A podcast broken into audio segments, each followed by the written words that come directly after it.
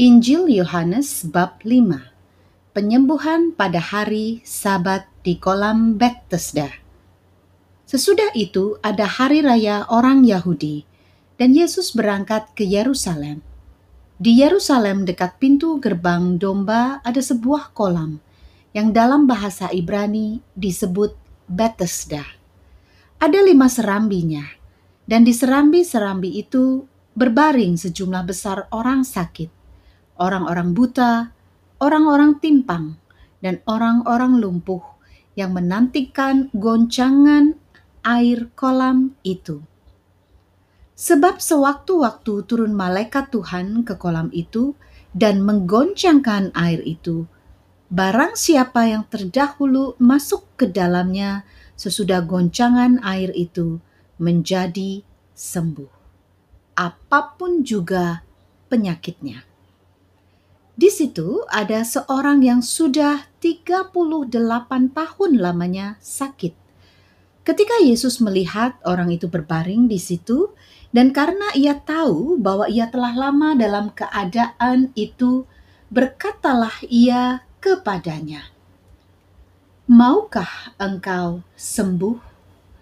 Jawab orang sakit itu kepadanya, "Tuhan, tidak ada orang yang menurunkan aku ke dalam kolam itu apabila airnya mulai goncang. Dan sementara aku menuju ke kolam itu, orang lain sudah turun mendahului aku. Kata Yesus kepadanya, "Bangunlah, angkatlah tilammu, dan berjalanlah." Dan pada saat itu juga sembuhlah orang itu Lalu ia mengangkat tilamnya dan berjalan. Tetapi hari itu hari Sabat. Karena itu, orang-orang Yahudi berkata kepada orang yang baru sembuh itu, "Hari ini hari Sabat, dan tidak boleh engkau memikul tilammu." Akan tetapi, ia menjawab mereka, "Orang yang telah menyembuhkan aku, Dia yang mengatakan kepadaku, "Angkatlah tilammu dan berjalanlah." Mereka bertanya kepadanya, "Siapakah orang itu yang berkata kepadamu, 'Angkatlah tilammu dan berjalanlah'?" Tetapi orang yang baru sembuh itu tidak tahu siapa orang itu, sebab Yesus telah menghilang ke tengah-tengah orang banyak di tempat itu. Kemudian Yesus bertemu dengan dia dalam bait Allah, lalu berkata kepadanya, "Engkau telah sembuh, jangan berbuat dosa lagi, supaya padamu jangan terjadi yang lebih buruk." Orang itu keluar, lalu menceritakan kepada orang-orang Yahudi bahwa Yesuslah yang telah menyembuhkan dia. Dan karena itu, orang-orang Yahudi berusaha menganiaya Yesus karena ia melakukan hal-hal itu pada hari Sabat. Tetapi ia berkata kepada mereka, "Bapakku bekerja sampai sekarang, maka aku pun bekerja juga." Sebab itu, orang-orang Yahudi lebih berusaha lagi untuk membunuhnya. Bukan saja karena ia meniadakan hari Sabat, tapi juga karena ia mengatakan bahwa Allah adalah Bapaknya sendiri. Dan dengan demikian menyamakan dirinya dengan Allah. Kesaksian Yesus tentang dirinya. Maka Yesus menjawab mereka katanya, Aku berkata kepadamu, sesungguhnya anak tidak dapat mengerjakan sesuatu dari dirinya sendiri, jikalau tidak ia melihat Bapa mengerjakannya. Sebab apa yang dikerjakan Bapa, itu juga yang dikerjakan anak.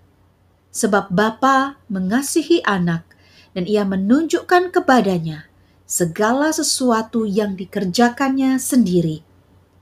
Bahkan ia akan menunjukkan kepadanya pekerjaan-pekerjaan yang lebih besar lagi daripada pekerjaan-pekerjaan itu, sehingga kamu menjadi heran. Sebab sama seperti Bapa membangkitkan orang-orang mati dan menghidupkannya, demikian juga anak menghidupkan barang siapa yang dikehendakinya. Bapa tidak menghakimi siapa pun, melainkan telah menyerahkan penghakiman itu seluruhnya kepada anak. Supaya semua orang menghormati anak sama seperti mereka menghormati Bapa.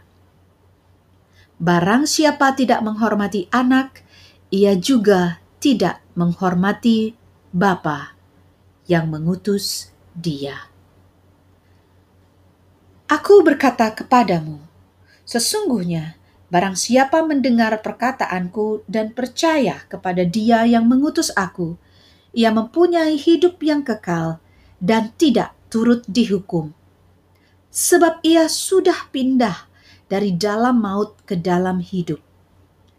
Aku berkata kepadamu, sesungguhnya saatnya akan tiba dan sudah tiba bahwa orang-orang mati akan mendengar suara Anak Allah, dan mereka yang mendengarnya akan hidup.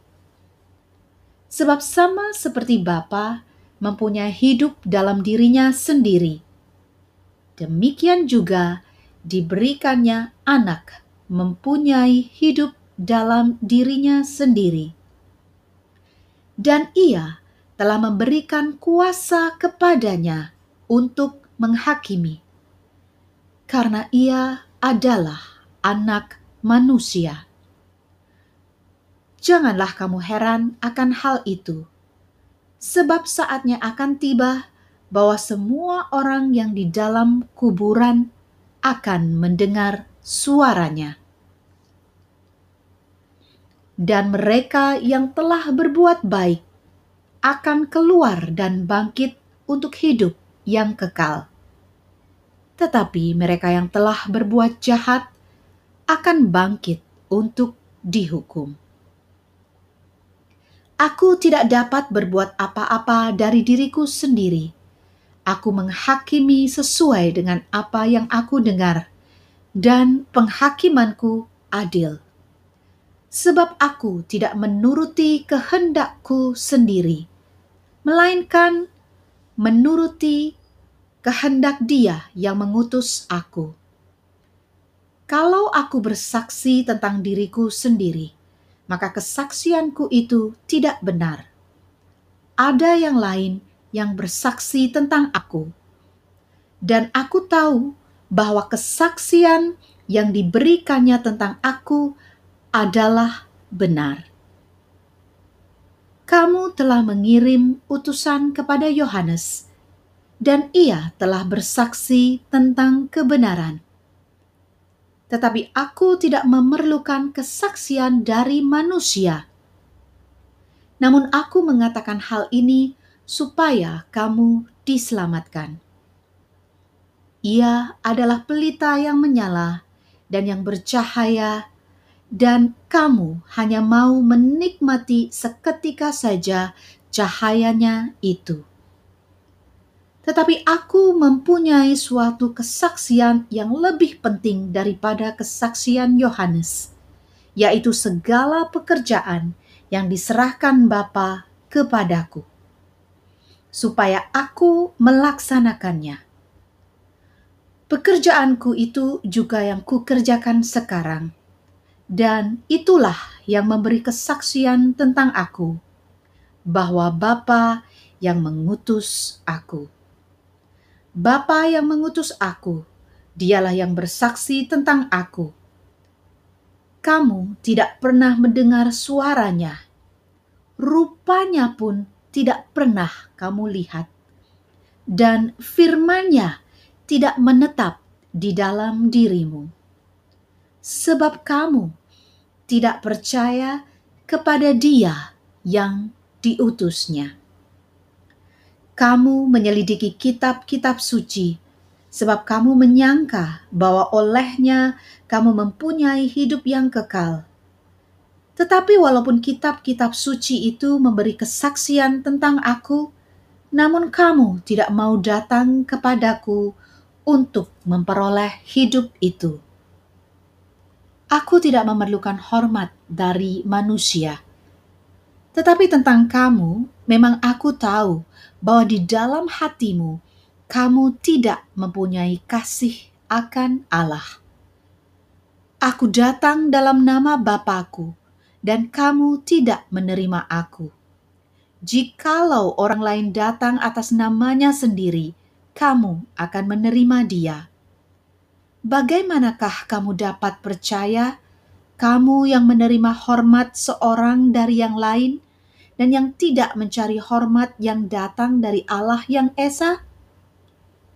Jangan kamu menyangka bahwa aku akan mendakwa kamu di hadapan Bapa yang mendakwa kamu adalah Musa, yaitu Musa yang kepadanya kamu menaruh pengharapanmu. Sebab, jikalau kamu percaya kepada Musa, tentu kamu akan percaya juga kepadaku, sebab ia telah menulis tentang aku. Tetapi jikalau kamu tidak percaya akan apa yang ditulisnya, bagaimanakah kamu akan percaya akan apa yang kukatakan? Demikianlah sabda Tuhan. Syukur kepada Allah.